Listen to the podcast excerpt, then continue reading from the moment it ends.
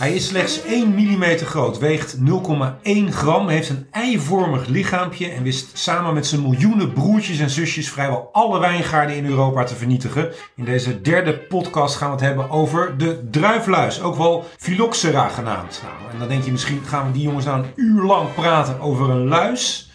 Ja, nou eigenlijk wel. Maar het is eh, een intrigerend verhaal en we gaan er uiteraard weer heel veel mooie wijnen bij drinken. En uiteindelijk komen we uit in de Spaanse Rioja, waar ze juist weer profiteerden van de luizencrisis in de Bordeaux. Dit is de derde aflevering van de Klare Wijn podcast, de druifluis, vriend van La Rioja.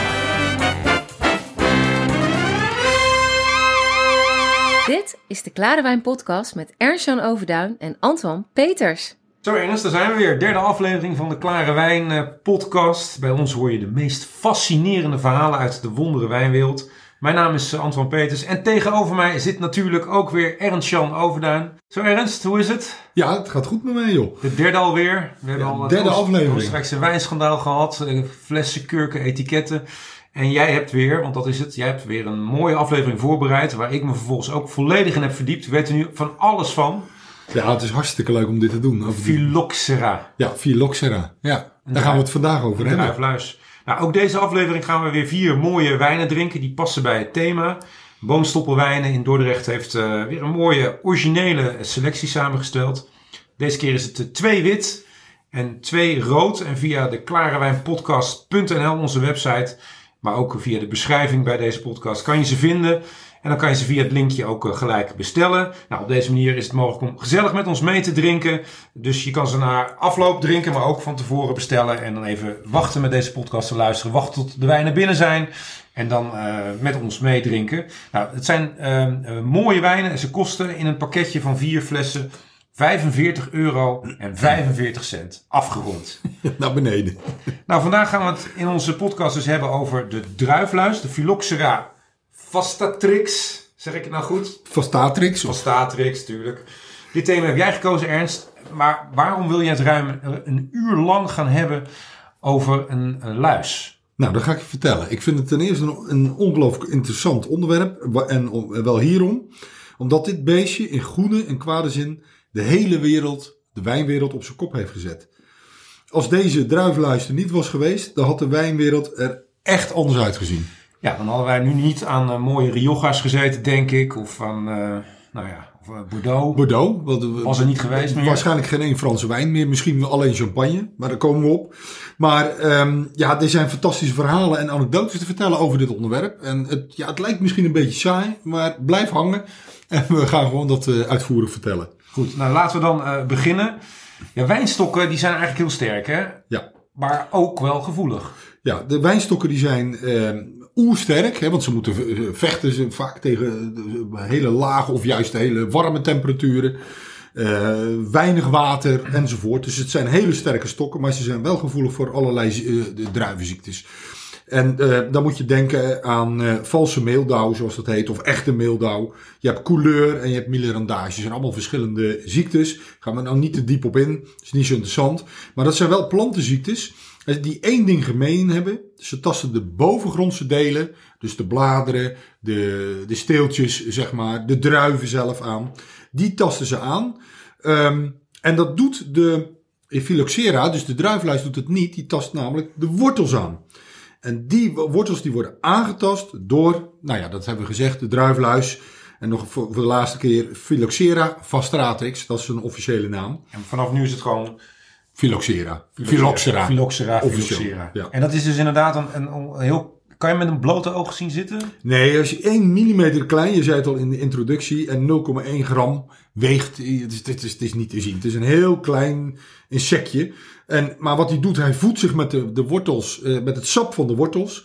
En infecteert daarmee de wortels. En de, de, de wortels gaan zwellen.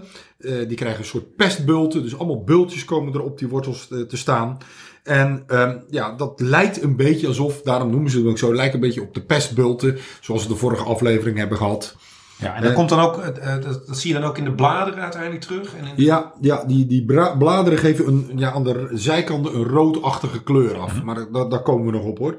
Maar deze, deze de, de kleine, nietige, onzichtbare luisje, die heeft ervoor gezorgd dat tussen 1860 en 1910 bijna alle wijnstokken van de wereld verdwenen. Dat geloof je niet, is echt gebeurd. Op zich wel interessant, maar de aflevering heet De Druivenluis, vriend van Rioja. Waarom, waarom is dat dan? Nou ja, als de verliezers zijn, Antoine, in een drama, dan heb je ook winnaars. En ehm, de La Rioja, dat was destijds, in die 1816, 1870, was een heel onbeduidend wijngebiedje. Stelde niks voor, Bordeaux al wel, dat was een echt mooi wijngebied. Maar de- omdat de Franse wijnboeren, die konden geen wijn meer maken. En die staken de, met paard en wagen de Pyreneeën over. En die kwamen in Rioja terecht om daar de druiven op te gaan halen. Oké. En die brachten, die Fransen, die dachten, ja wacht even, wat gebeurt hier nou in dit gebied? De wijn die hier gemaakt wordt is van zo eh, inferieure kwaliteit, wij kunnen die mensen helpen. Ja. En dat zijn ze gaan doen. Ze zijn niet alleen daar de wijnbouw eh, op een hoger plan gebracht. Ze hebben ook natuurlijk schepenladingen vol met druiven naar, eh, naar Frankrijk gebracht. Waar toen al de druivenluis was toeges, eh, had toegeslagen. Vooral rode wijn, maar ook Ja. witte. Ja, ook alles. Ja. Nou, weet je wat dan wel aardig is misschien? Is om te beginnen en te eindigen met een Rioja. ja, En we beginnen dan met een, een witte Rioja. leuk. Verrassend fris wit uit Rioja. Want eh, we gaan het er straks uitgebreid over hebben. Maar Rioja is natuurlijk vooral rood. Eh, Er wordt steeds meer wit gemaakt. Ik ben er gek op. Vooral die eh, wat op hout gelagerde witte Rioja's. zijn prachtige wijnen. Maar ze maken dus tegenwoordig ook gewoon hele mooie frisse witte Rioja's. En we gaan er eentje drinken van het huis Vivanco, van de familie Vivanco. Nou, die hebben heel veel centjes verdiend eh, met de handel in, in bulkwijn vroeger. Maar in de jaren 90 kwam de ambitie om eh, ook kwaliteitswijnen te gaan maken. En hebben ze dus vervolgens eh, Bodega Vivanco opgericht. Nou, die hebben we dus hier nu voor ons. Ehm, eh, trouwens, ze hebben ook een heel mooi museum. Dus dat is leuk om een keer naartoe te gaan. Zoek het maar eens op. Vivanco Museum. Papa Vivanco heeft, ja, heeft namelijk ongeveer alles wat je maar eh, kon verzamelen op het gebied van, wijn heeft hij gedaan. En dat museum, ja, dat is echt, eh, schijnt heel indrukwekkend te zijn. En volgens de kennis behoort het tot de mooiste wijnmusea ter wereld. De druiven worden verwerkt in een nieuwe ondergronds gebouwde wijnmakerij. Die ligt midden in de wijngaard. Eh, ja, voorzien van de, van de modernste technieken. En dan krijg je dus deze wijn. Een authentieke 100% Rioja. En wat, wat deze wijn doet, is het is een moderne stijl witte Rioja. Dus zonder eikenhouten rijping. Eh, hij maakt een blend van Viura, Tempranillo wit en de Maturana Blanca. Een loepzuivere wijn staat hier. Nou, dat eh, zullen we wel eens eventjes eh. Beoordelen. De eerste wijn van deze podcast. Robin er ook weer. Barry ook weer, jongens. Alsjeblieft. Nou, ik zou zeggen, proost Antoine.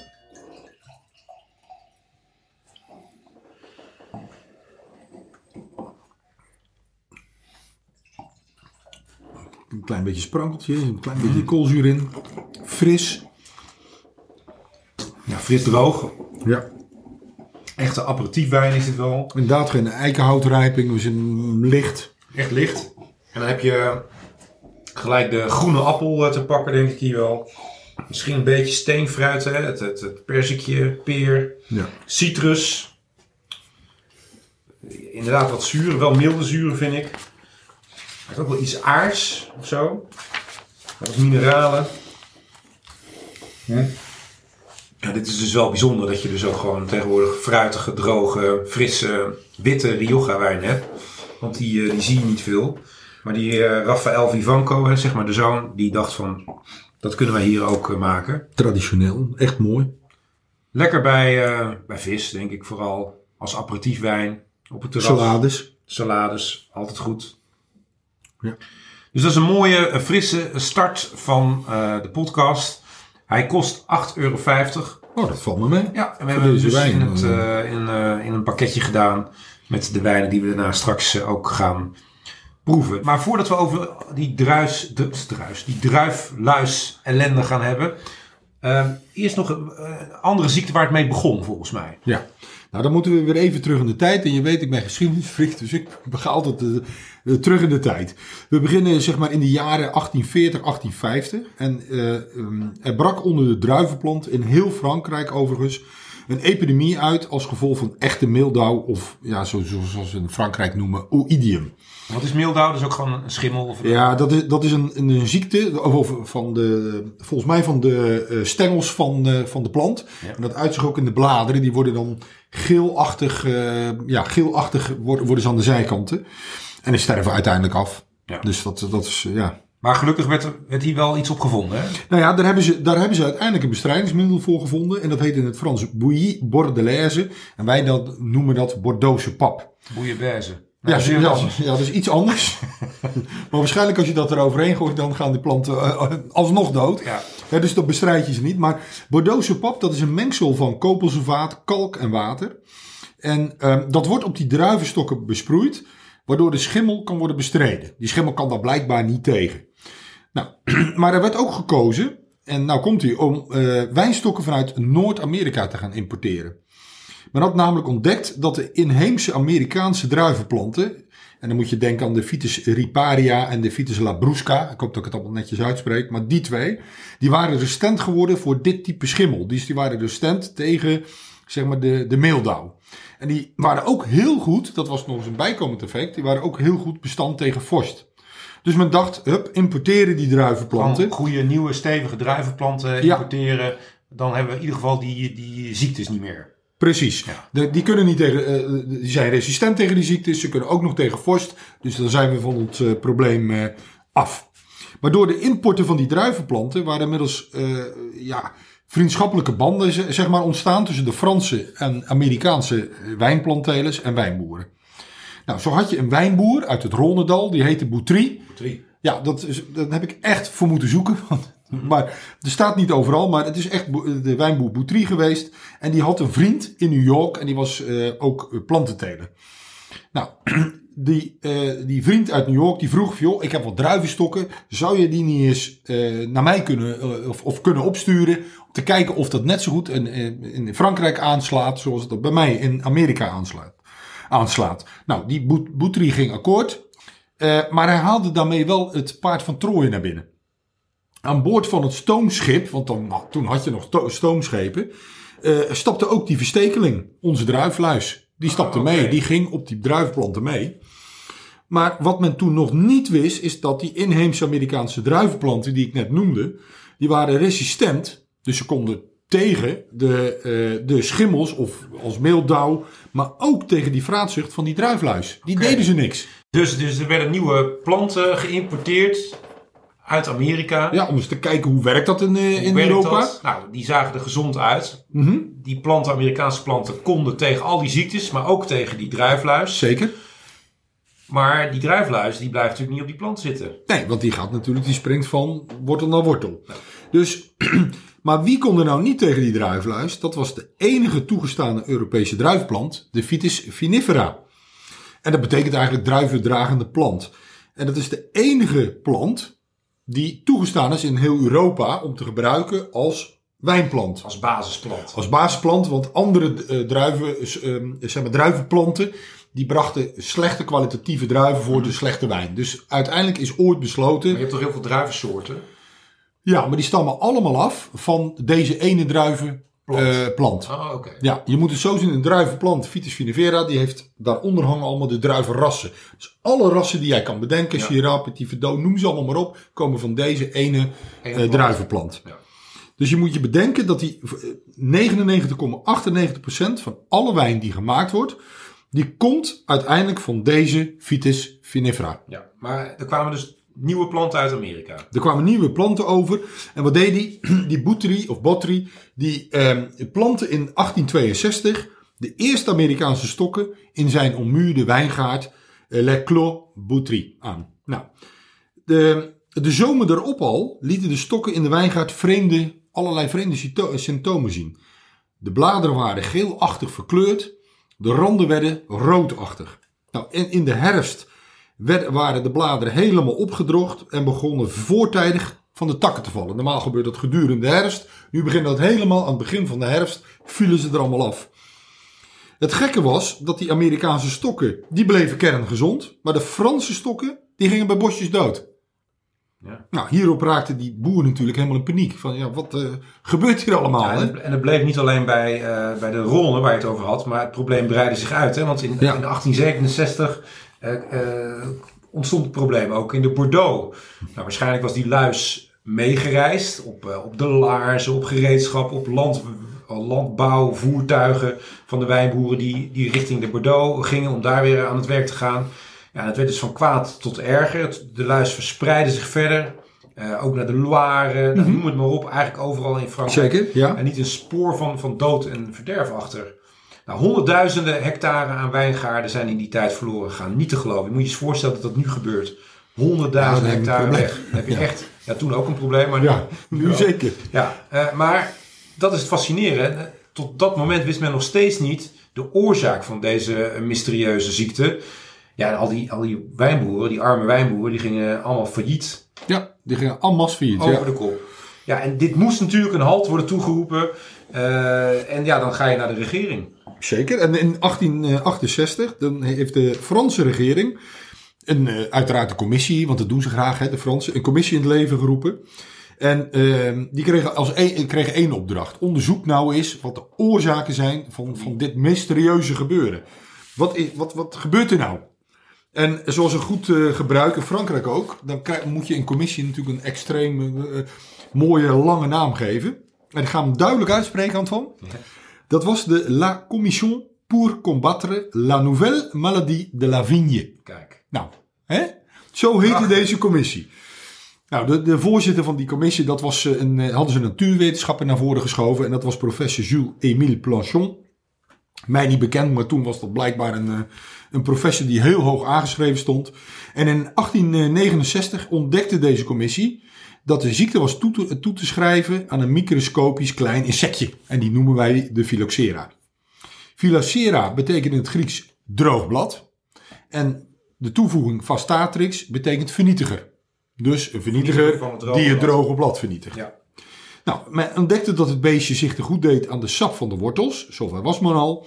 En hierdoor konden de wortels geen water en geen mineralen meer opnemen uit de grond. En drongen allemaal schimmels in de wondjes van de wortels. Met als uiteindelijke gevolg nou ja, dat, dat je weer die, eerst die symptomen en later die druivenplant afstierf. Nou, nu is het niet zo, Antoine, dat die druifluis in eentje veel kwa- kwaad kan natuurlijk. Want het is maar een heel microscopisch klein dingetje. Maar het gevaar zit hem in het, juist in het ongekende voortplantingsvermogen van het ondier. En dat heb jij uitgezocht. Zeker, want stel één vrouwtje legt in maart 20 eitjes, hè, als voorbeeld. Dat is dan al wel aan de lage kant. Dan leggen die uitgekomen eitjes uiteindelijk... Hè, als, Ook weer. Ook weer eitjes. En dan zijn dat er in april 400, in mei 8000, in juni 160.000, in juli 3,2 miljoen, in augustus 64 miljoen. Dat is niet normaal. Dus een paar deze- maanden tijd. Ja, en al deze luizen weten zich eh, een, een weg te vreten door, door wijngaarden. En ze springen van wortel naar wortel. Ja. Nou ja, in het begin werden de bevindingen van de commissie weggehoond door, door de wijnboeren. Die dachten, ja, dat kan gewoon, dat is belachelijk. Zo'n klein diertje, dat kan helemaal niet. Die kan niet de hele oosten vernietigen. Als zo'n diertje al bestaat, dat werd zelfs ook in twijfel getrokken. Een hoax. Een hoax noemen ze dat tegenwoordig heel deftig, ja. Nou, ze weten de ziekte aan, eh, aan het weer, of aan de uitputting van de grond, eh, overproductie, of beter, dat is ook een hele mooie. Ze vonden dat eh, dat lag aan de toren gods. Want die veroorzaakte alle ellende. Oké. Nou ja, hier werd, hierbij werd geregeld ook nog verwezen naar, oude, naar het Oude Testament. Hè. Dat Oh ja. staat vol met eh, hel en verdoemenis. En dat staat Natuurrampen. Weet ik Ja. het. Dat staat er allemaal in. En ehm, ja, de mensheid deed natuurlijk niet wat God wilde. Dus dat was gewoon een straffe gods. Maar Ernst, het, het ontdekken van de oorzaak wilde nog niet zeggen dat, dan, dat je dan de oplossing hebt. Want we wisten nu wat het was, maar ja, wat doe je eraan? Nou ja, dat is ook zo, Antoine. Dus in, ne- in 1870 loofde de Franse regering ook een prijs uit. Ze zijn begonnen met 20.000 frank.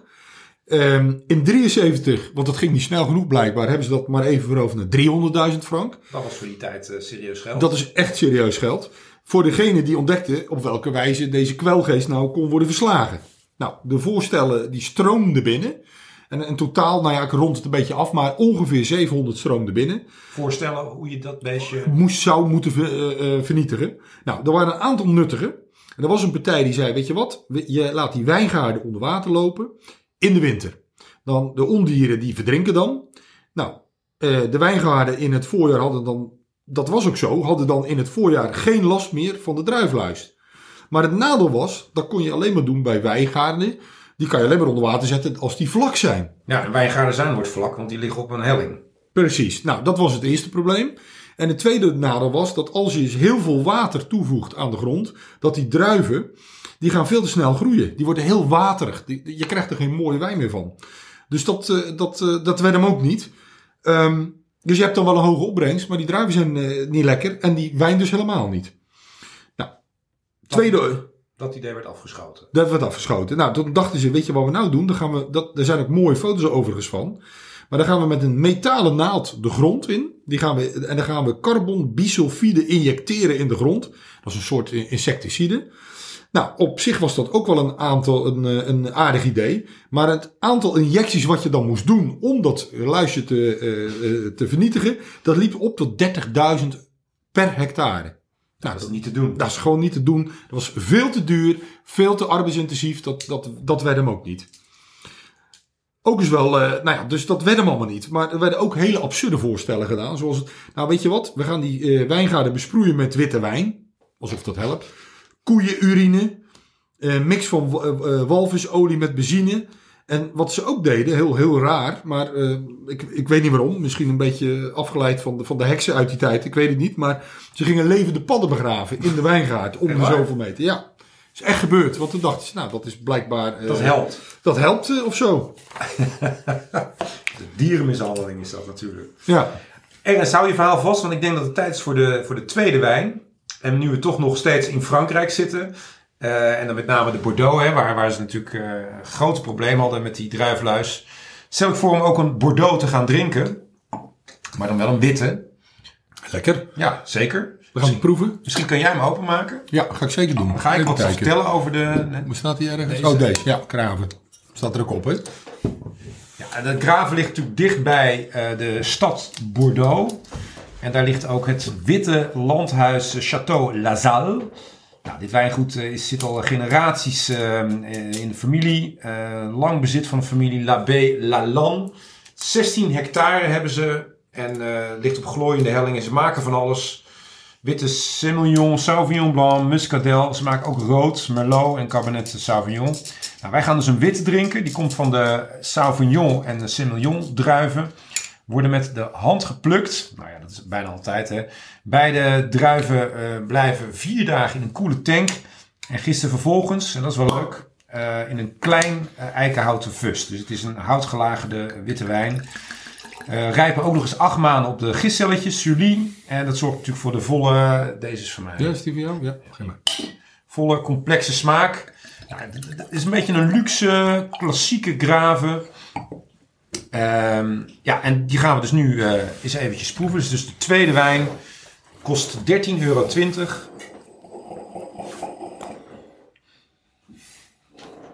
En is, eens even snuiven. is, is duidelijk complexer Ja. deze zijn als de, als de eerste.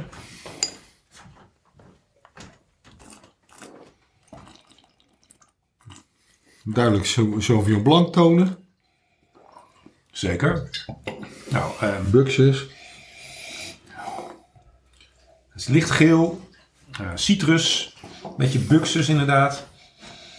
Grapefruit ruik ik duidelijk Ja, in. ja, zeker. En, dus eh, lichte eikenhouten tonen. Dus niet, niet dat zwaar ge- geookte, maar een beetje net het lichte toontje. Ja, sappig glas.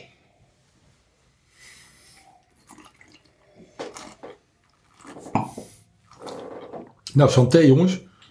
Proost.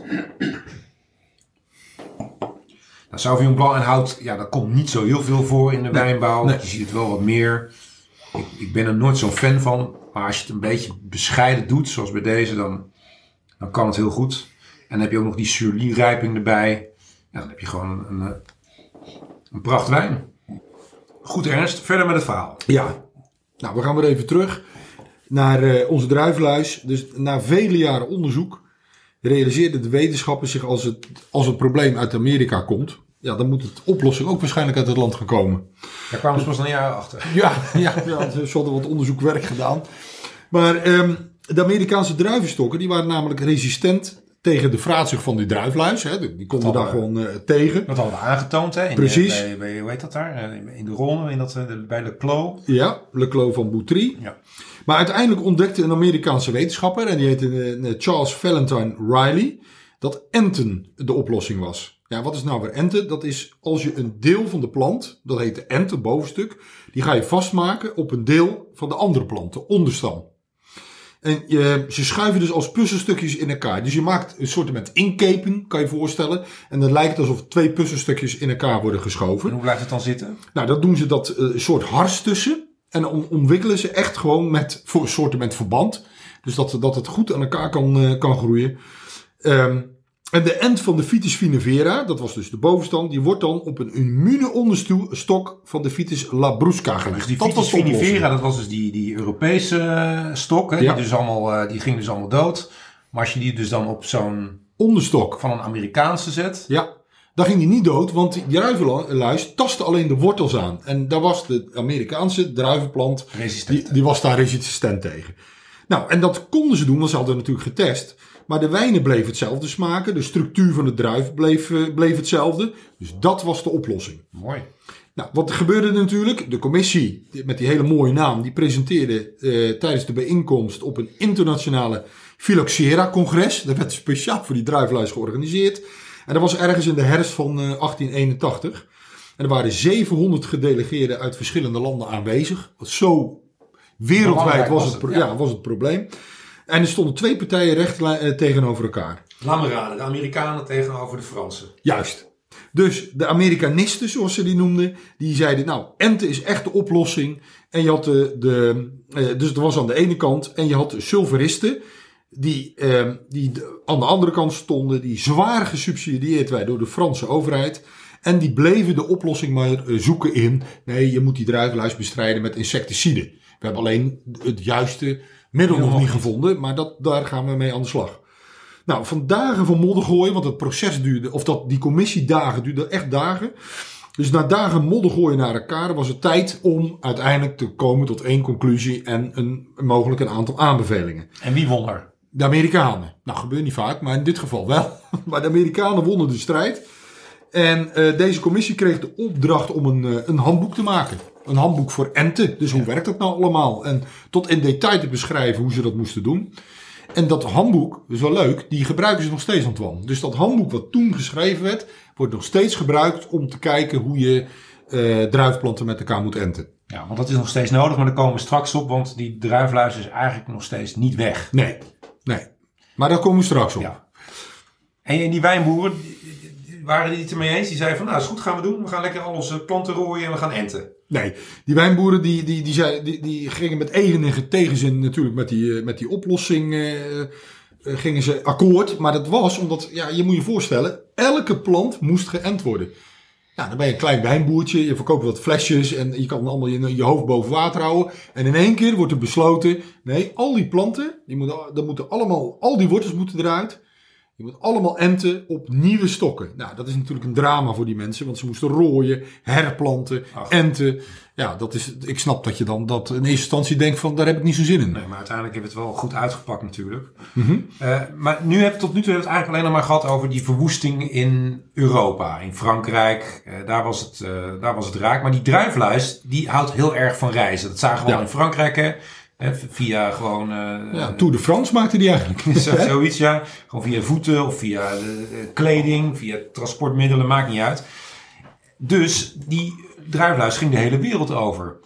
Eh, wijngaarden van alle andere Europese landen, maar ook in de nieuwe wereldlanden zoals Zuid-Afrika, Nieuw-Zeeland, Australië en Californië.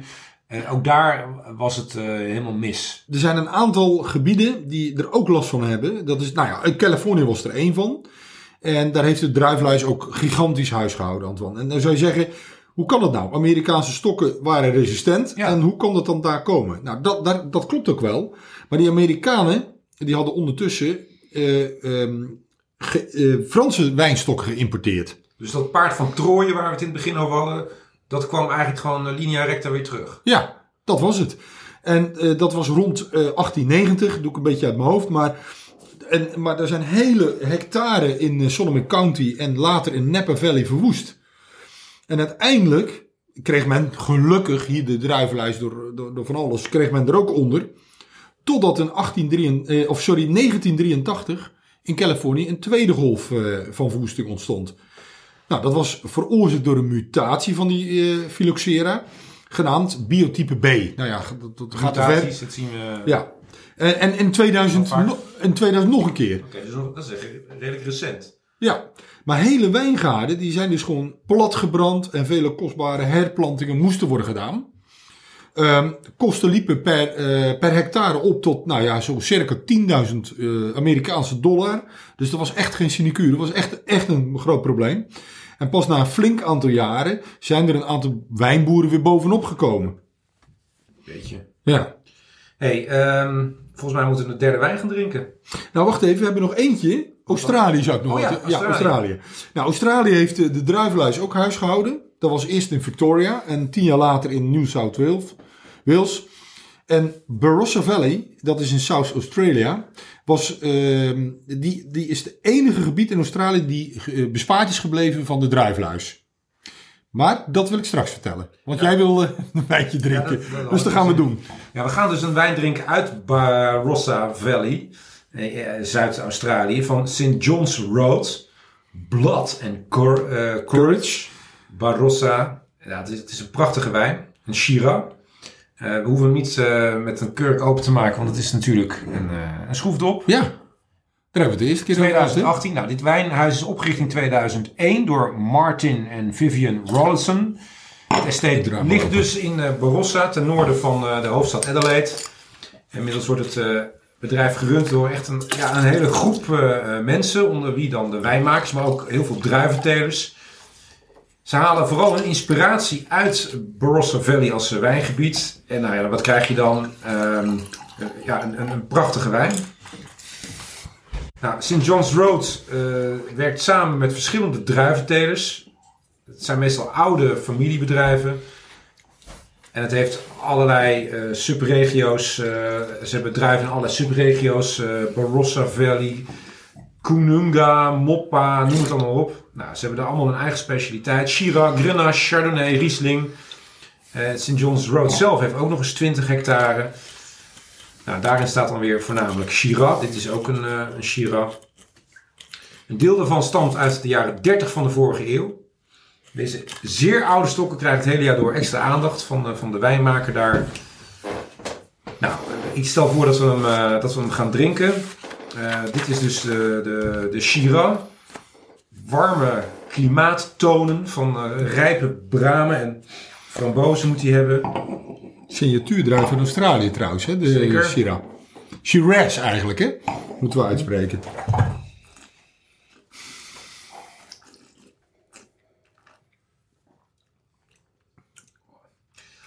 Ja, dit is het typisch Shiraz. Kruidig. Kruidige, hè? Peperachtig. Nou, die, wat ik zei, die, die bramen, framboosjes zitten erin. Maar niet te veel. Weet je, je, je kan bij Shiraz zoveel peper hebben. Weet je, dat Ja. het gewoon echt niet meer lekker is. Maar deze is echt... Het is van mint. Ook een klein beetje zoetje zit er nog in. Wat, wat, wat houttonen, maar niet te veel. Hij heeft vrij- 15 maanden in Frans eikenhout gezeten. Ja, dat... eh, ja. En nog wat, wat mooie zuren nog. Echt een stelvol glas. Heel mooi. Daar kunnen we, Zeker, wel, even, ja. daar kunnen we wel even op vooruit. eh, Ja. van het verhaal. Ja, precies. Barossa Valley was je gebleven. Ja, die Barossa... je zei dus, daar heeft dus die druivenluis niet toegeslagen. Nee, dat is heel apart. Want in Victoria wel, eh, wel en New South, eh, South Wales wel. De rest heeft ook toegeslagen. Maar in Barossa Valley niet. En ehm, dat kwam omdat ze in Barossa Valley extreem waakzaam waren. Ze hadden heel veel hygiënische voorschriften voor de wijnbouw. En ze hadden zelfs quarantaineregels. Je mocht er niet in, niet uit eh, vervoerd worden. Dus alleen maar om te eh, zorgen dat die luis niet per ongeluk mee werd gevoerd. Wat we al vertel, eerder vertelden. Op wijnstokken, op machines, op vers geoogste druiven, op kleding. Nou ja, verzin maar wat. Ehm, maar dat, ze hadden quarantaine. Je mocht gewoon het gebied niet uit. En het gebied niet in. Dus ja, dan voorkom je ook dat die eh, luis overspringt. Da- daarom staan, en, en dat is wel leuk, daarom staan in Barossa Valley ook de oudste niet geënte wijnstokken van de wereld. Maar dat weten weinig mensen, maar dat is echt zo. En soms zijn ze wel ouder dan 125 jaar. Dus die stokken die leven nog steeds en die leveren nog steeds druiven. En die druiven maken nog, eh, daar wordt nog steeds prachtige wijn van gemaakt. Heel Nou. Daar zijn die Australiërs natuurlijk apen trots op. En terecht, dat zou ik ook zijn. En ze hebben in 2009 hebben ze de Old Vine eh, Charter opgesteld. En er zijn al die wijngaarden die van, met die hele oude wijnstokken, die zijn geregistreerd. Gestreed en, en gecategoriseerd in ehm, leeftijdscategorieën eigenlijk. Nou ja, ik, je hebt er een viertal, ik ga ze niet allemaal opnoemen. Maar de, de oudste is die 125 jaar of ouder is. Dat is de Barossa Ancestor Vine. Dat staat gewoon ook dik vet op het etiket. Zou ik ook doen, want het is prachtige reclame en marketing. En eh, ja, ik vind het gewoon een mooi verhaal. Ja, en er zijn overigens nog meer landen waar die druifluis niet eh, is eh, toegeslagen. Je hebt eh, in Chili, hè, de- de- Ja. de- daar ook. Dat komt natuurlijk door de, door de woestijn. Eh, de, droogste plek ter wereld waarschijnlijk. Ja, Eh, in het oosten heb je daar dan het Andesgebergte. Dat is dan weer het langste gebergte ter wereld. En dan heb je in het zuiden weer de weersinvloeden van de Zuidpool en de, en de grote oceaan. En die combinatie heeft er kennelijk voor gezorgd dat die druifluis ook niet zo zin had om daar naartoe te gaan. het was heel erg eh, geïsoleerd. Ja. Het was het noorden te warm, het zuiden te koud. In, de, in, in, in het oosten moesten ze de berg over, dat deden ze niet. En ze konden niet vanuit de zee Dus komen. Chili Dus- heb je ook van die oude stokken. ja, maar die hebben ze niet zo ingedeeld. Nee. nee. Overigens heb je nog, eh, eh, nog veel meer gebieden waar de druifluis niet is eh, gekomen. Ook in Europa.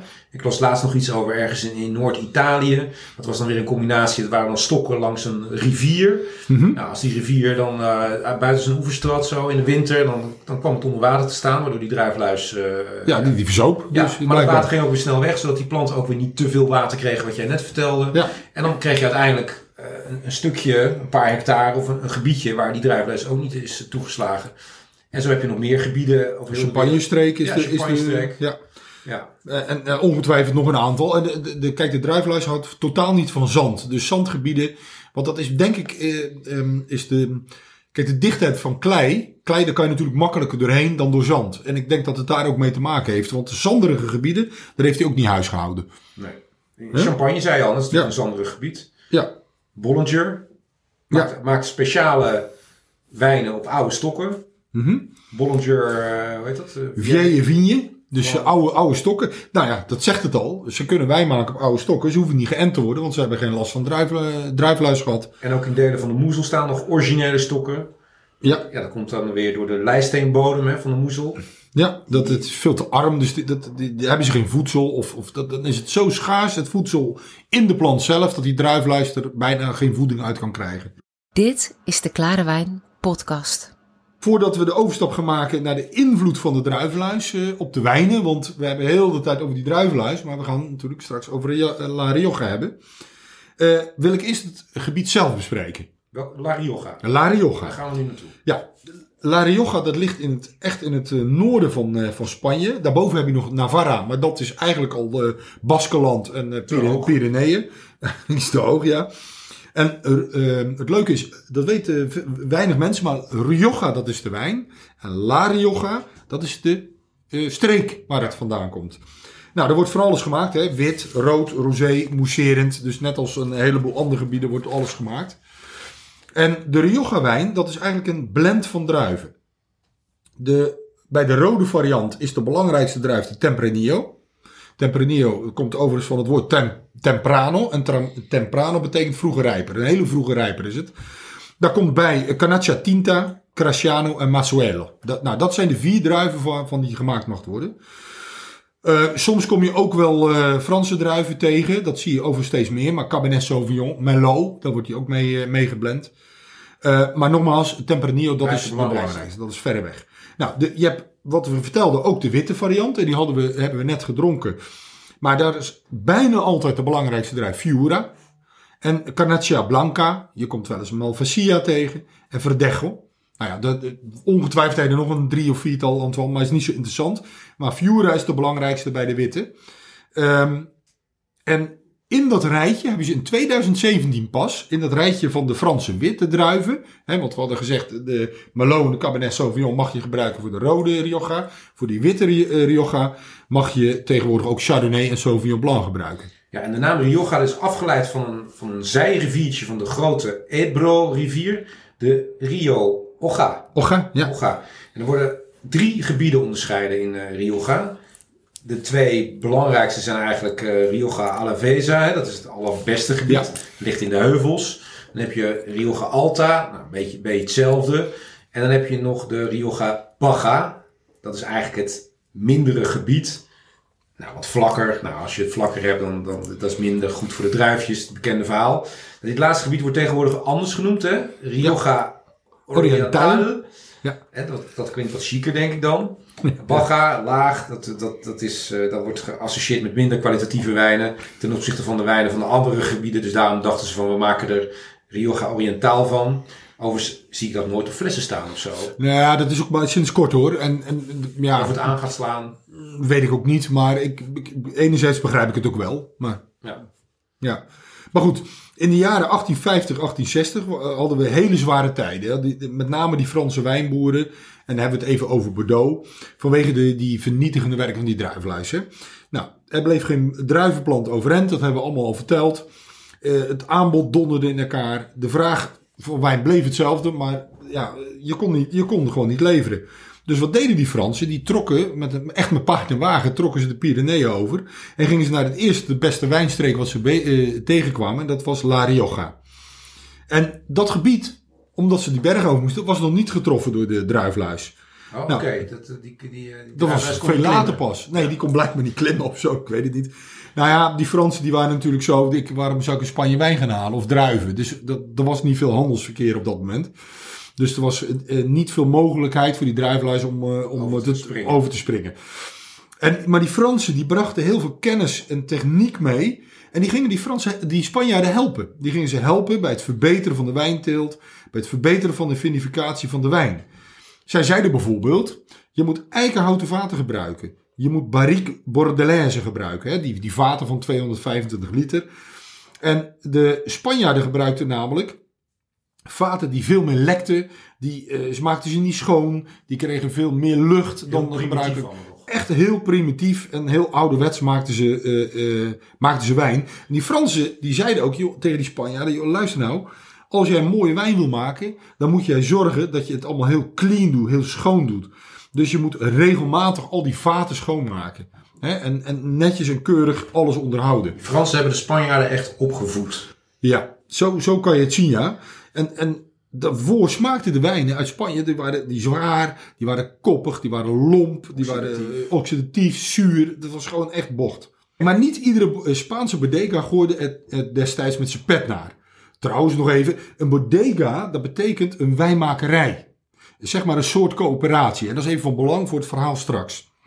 Nou, vaak brengen die lokale wijnboeren, die brengen hun druiven naar de bodega. En die bodega's hebben zelf ook wel wijngaarden, maar ze kochten met name de druiven in. Nou, eh Bodega Marques eh, de Murrieta, die had in 1852 was die opgericht door een Luciano de Murrieta. En die studeerde oenologie in Bordeaux. En eh, nam kennis van de vinificatietechnieken en bracht die mee naar La Rioja. En paste deze ook toe op zijn eigen wijngaard. Nou, hij was ook de eerste wijnboer in La Rioja die wijn exporteerde naar het buitenland. Nou, dat was uniek, want het was natuurlijk veel rommel wat gemaakt werd. Of wat- dacht je van Marques de Riscal? Dat is er nog zo een. Zeker. Diplomaat, groot grondbezitter. Eh, die begon in 1858 met het verbouwen van wijndruiven. Zo, zoals het ook dus in de eh, Bordeaux werd gedaan. En hij gebruikte dus die, die Franse druiven. Cabernet Sauvignon, Merlot, eh Malbec zelfs. Hij was namelijk van mening dat van deze druiven betere wijnen gemaakt konden worden dan van de inheemse rassen de Tempranillo en de Graciano. Maar ook brachten wijnen gemaakt van Franse druiven nou eenmaal meer op, want het was gewoon eh, super populair. Nou, beide markiezen gebruikten overigens Amerikaanse eikenhouten vaten voor de vatrijping. En dat is wel heel belangrijk om te vertellen, eh, want je had dus ook eh, Franse eiken. Dat was eh verdediger, denk ik. Nee, Amerikaanse eiken was volgens mij. Ja, dat was een stuk verdediger, ja. Maar dat, is, dat was natuurlijk een voordeel, dat het Amerikaanse eiken eh, voordeliger was. Maar het had nog een ander voordeel. Amerikaans eiken had een verrassend goed effect op Spaanse wijnen. Nog steeds trouwens. En ja, daarom hebben ze dat eh, massaal geïntroduceerd daar. Ja, dat klopt. Er is ook veel meer Amerikaans eiken dan, dan, eh, Franse, ja, dan Frans eiken. En, en, en die Spaanse regering, die ging ook mee helpen. Hè? Die ging ook een duitend zakje doen in de, in de Spaanse wijnbouw. Wat gingen ze doen? In 1860 legden ze de eerste spoorlijn aan in dat hele gebied. En eh, dat begon in Haro, dat, dat was, is de hoofdstad van eh, La Rioja. En dat ging helemaal naar de havenstad Bilbao, want daar vandaan uit konden ze de wijnen vervoeren naar Bordeaux toe. En in 1880 kreeg Haro ook elektrisch licht. Nou ja, dat is natuurlijk van levensbelang. Maar eh, daardoor werd de stad ook het zenuwcentrum, en dat is het nog steeds, van de Spaanse wijnhandel. En La Rioja was inmiddels in die tijd essentieel geworden, ook voor de Bordeauxse wijnindustrie. En La Rioja pro- profiteerde hier volledig van. Dus dus eh, ja, die Fransen die hadden echt die Spanjaarden nodig. En die, Fransen, eh, die Spanjaarden dachten, nou ja, goed, we gaan nu echt eh, vol erin en we gaan mooie wijnen maken. Dus de verkoop die steeg. Enorm, ja. Dat was, de kwaliteit die ging omhoog, de verkoop ging omhoog.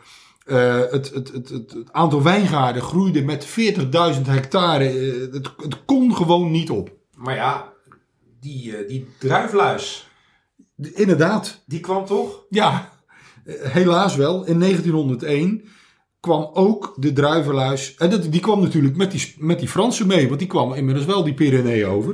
En dat was in 1901 kwam die ook in La Rioja aan. Nou, en dat in korte tijd werd 70% van het eh, Spaanse druivenareaal verwoest. Ongelooflijk. Ja, ik bedoel daarmee in La Rioja. Ja. 70% werd in dat. eh, Dat hadden die. Fransen allemaal al meegemaakt. Ja, Maar Spanje kwam ook aan de beurt gewoon. Ja, klopt. Maar die Fransen, die, ja, het blijven natuurlijk Fransen. Die dachten, weet je wat, in die tussentijd hadden zij al een oplossing. We moeten gaan enten. Ze hadden al wat oosten achter de rug. en denk je, weet je, weet je wat, ik heb die Spanjaarden niet meer nodig. We trekken ons terug over de Pyreneeën. En eh, nou ja, we, we laten ze gewoon met rust. Maar eh, wij, wij hebben de oplossing en wij gaan onze eigen wijn eh, weer Of in, maken. of in de steek. Ja, inderdaad. Nou ja, wat, wat gebeurde vervolgens? Nou, die, die hele wijnindustrie donderde in elkaar. We, we- ze gingen terug naar de donkere middel- middeleeuwen. Ze verloren afzetmarkt. Er werd bijna geen wijn meer verkocht. De wijnmarkt, wat ik zei, stortte in. Ongelooflijk. En ze werden ook nog geteisterd door gruwelijke gebeurtenissen. Eerste Wereldoorlog, Tweede Wereldoorlog, Spaanse burgeroorlog, et cetera. Nou, wat gebeurde er in die tijd? Er werd een decreet ehm, uitgevaardigd van de Spaanse regering. Om alle wijnstokken die er, wa- er waren, die moesten er ook nog eens een keer uitdrukken. Kwam er ook nog bovenop. Voor wat dan? En ze moesten tarwe gaan planten, want mensen hadden niet te eten. Want het was eh, Eerste Wereldoorlog, Tweede Wereldoorlog wel, ze hadden wel wijn, maar geen eten. Ja, precies. Nou, dieper konden echt de Spaanse wijnbouw eh, niet zinken. Pas in de jaren 70 begonnen Spaanse wijnboeren weer wijnstokken te herplanten. En dat kwam omdat eh, er kwam een financiële stabiliteit. Dat was in de jaren nou ja, eind 70, begin 80. Dat kwam door de dood van Franco, van de dictator eh, eh, Franco in, in eh, 1975. En toen kwam eindelijk weer die Spaanse wijnbouw op gang. Er waren heel veel mensen met kapitaal, veel geld, die gingen investeren weer in die markt. Tientallen eh, bodega's werden geopend, bestaande werden weer nieuw leven ingeblazen. En ze bouwden wel voort op de, op de kennis, de kunde en de technieken en de mooie wijnen die ze geleerd hadden te maken einde van de 19e eeuw. Zeg maar Ernst, ik heb nu eigenlijk wel zin in een eh, Ja, rode, ik ook. rode Rioja. Dat is de laatste van, eh, van, van deze podcast. Als jij hem nou weer eens openmaakt, dan ga ik Ja, er ik wat doen. over vertellen. Het is wel een totaal ander type wijn dan de vorige. De Australië die was heel eh, stevig, heel vol, heel complex. Dit wordt weer wat fruitiger, wat frisser. Want we gaan nu weer een wijn drinken van, eh, weer van eh, Vivanco, waar we de eerste ook van hadden. Rafael Vivanco. Maar dit is de La Maldita Rio, eh, Rioja Garnacha. Dus een, een Garnacha, Grenache. Hetzelfde huis dus. Ehm, nou, het zal een beetje omschakelen dus worden naar die vorige rode.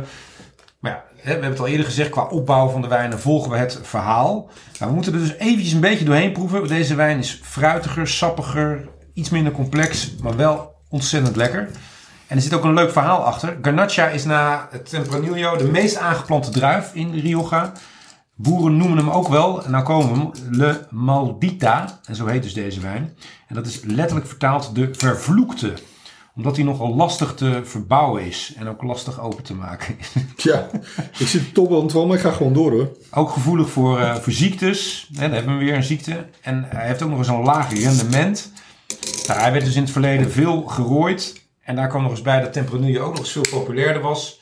Nou, die tijd is voorbij. Maar deze wijn en die naam dus, die hint dus naar dat verleden.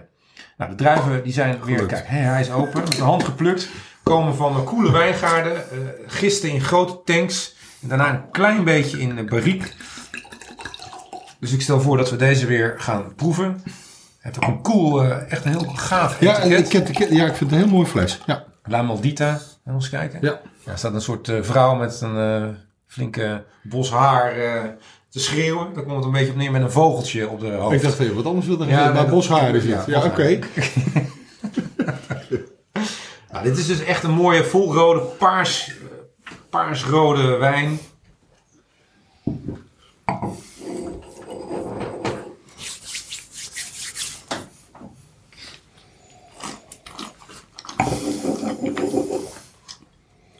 Is echt fruit, fruit, fruit. Weer frambozen, braampjes, sappig. Veel zachter dan die vorige. Ja. Rond, soepel. Klein beetje vanille. Heeft ook een klein beetje hout gehad. Is ook eh, een stukje voordeliger dan die vorige. Eh, deze, La Maldita, kost 7,80 euro. Hmm. Echt een fijne borrelwijn. Die, die andere, Ja. die, die Barossa, die was natuurlijk 15,95. Hè, dus, eh, Ja. Steviger ook hoor. Veel steviger. Dit is lekker fruitig. maar goed, we zijn nu Dus- weer in de, in de, in de Rioja.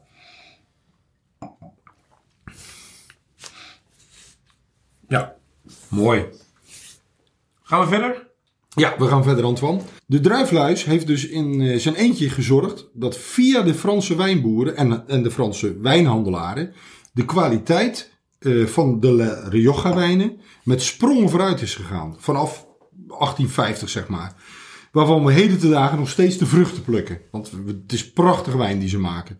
De smaak en de kwaliteit van de wijn wordt eh, in 2021 echter nog steeds bepaald door de vatrijping waarbij het wettelijk is bepaald dat het moet gebeuren op eikenhouten vaten, de barriques van 225 liter. Nou, dit mag Amerikaanse eiken zijn, dat maakt niet uit.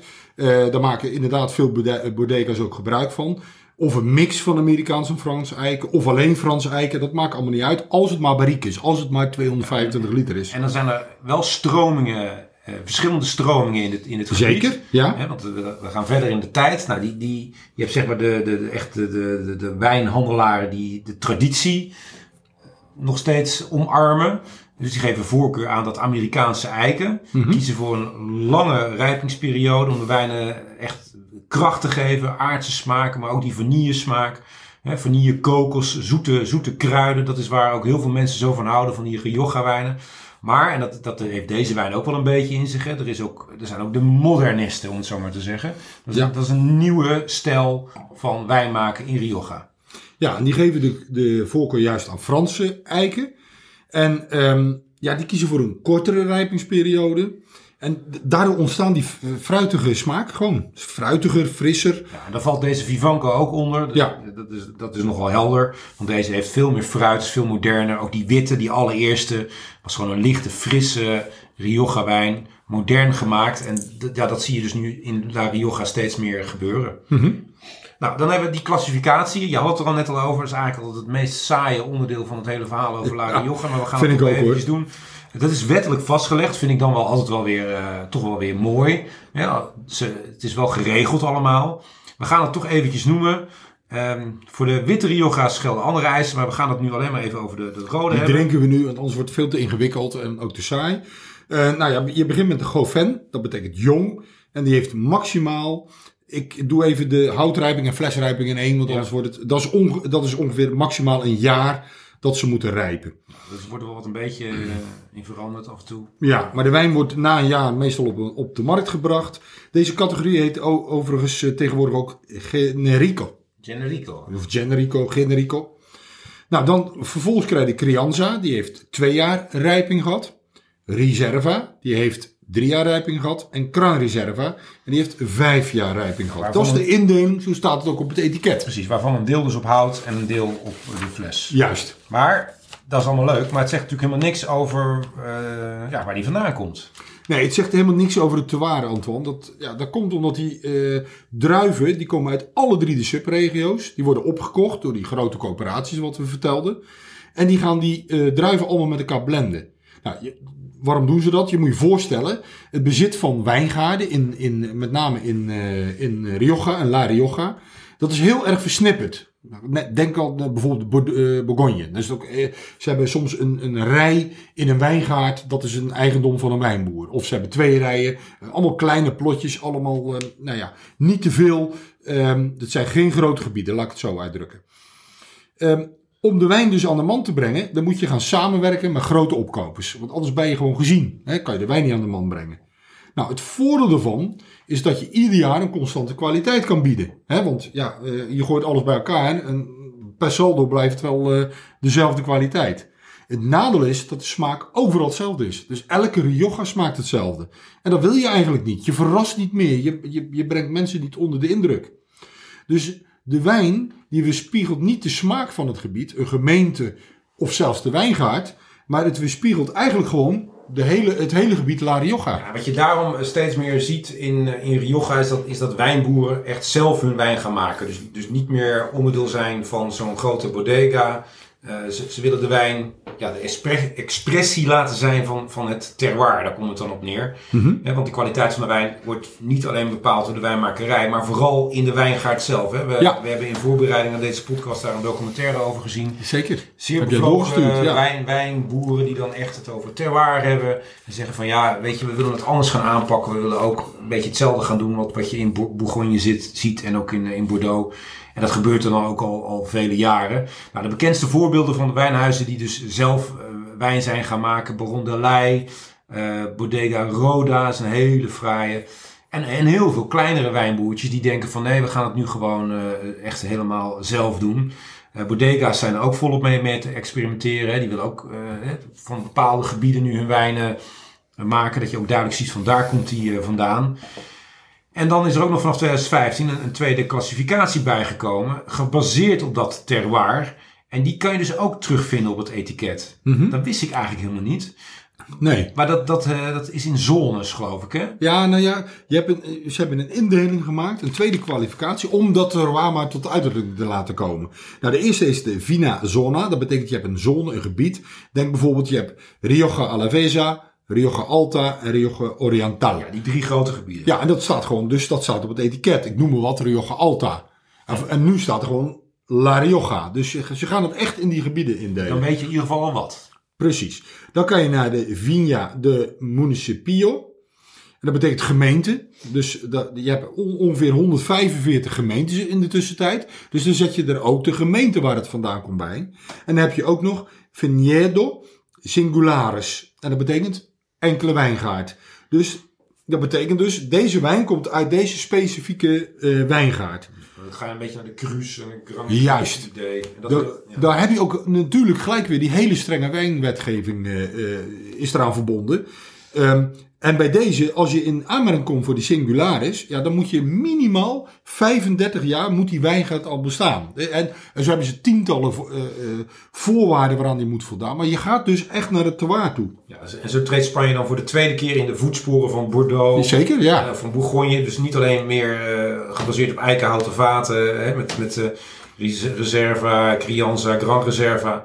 Maar dus ook met, ja, met, met, met terroir. Dat moet doorklinken in de wijn. Ja, vind ik ook hoor. Vind ik een mooie ontwikkeling. Maar nog één belangrijke vraag, Ernst. Hoe zit het nou tegenwoordig met die druifluis? Bestaat die nog? Ja, Daar en in, in de rest van de wereld? Ja, die bestaat nog steeds, helaas. Want de resistentie van, die, eh, van de Amerikaanse onderstok waar we het over gehad hebben, dat is echt niet meer vanzelfsprekend. Want ehm, door het wijd eh, verbreide ge- eh, gebruik van die Amerikaanse onderstokken, die heeft die druivenlijst zich geëvalueerd. Ongelooflijk, maar het gebeurt.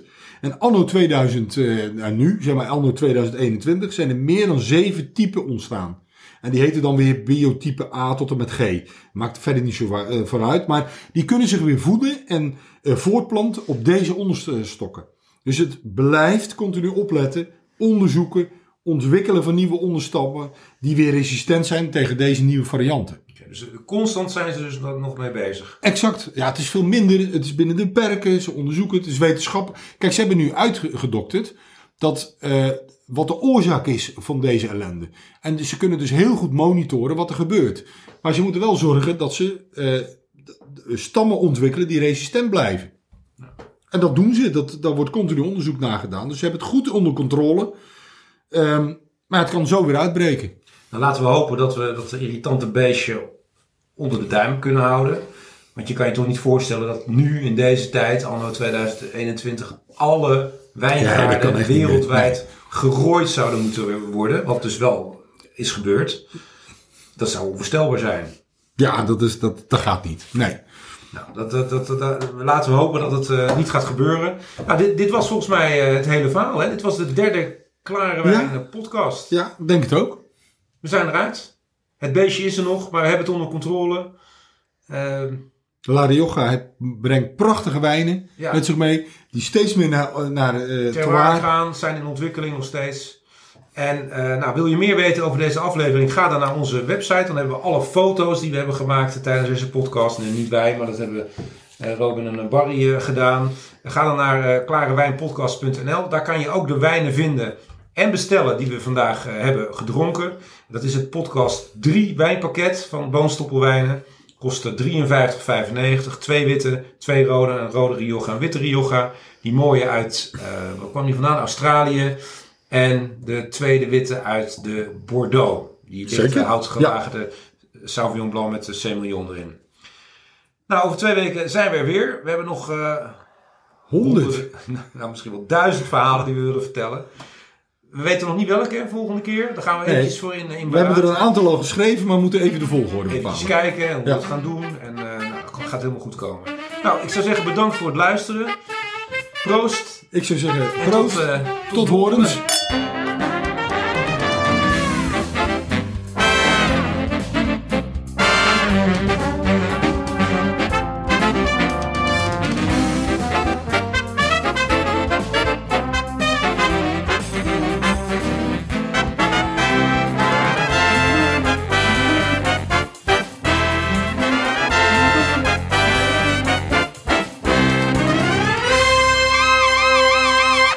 Was de Klare Wijn Podcast. Wil je meer weten of de wijnen bestellen? Ga naar klarewijnpodcast.nl of check de beschrijvingen bij deze podcast.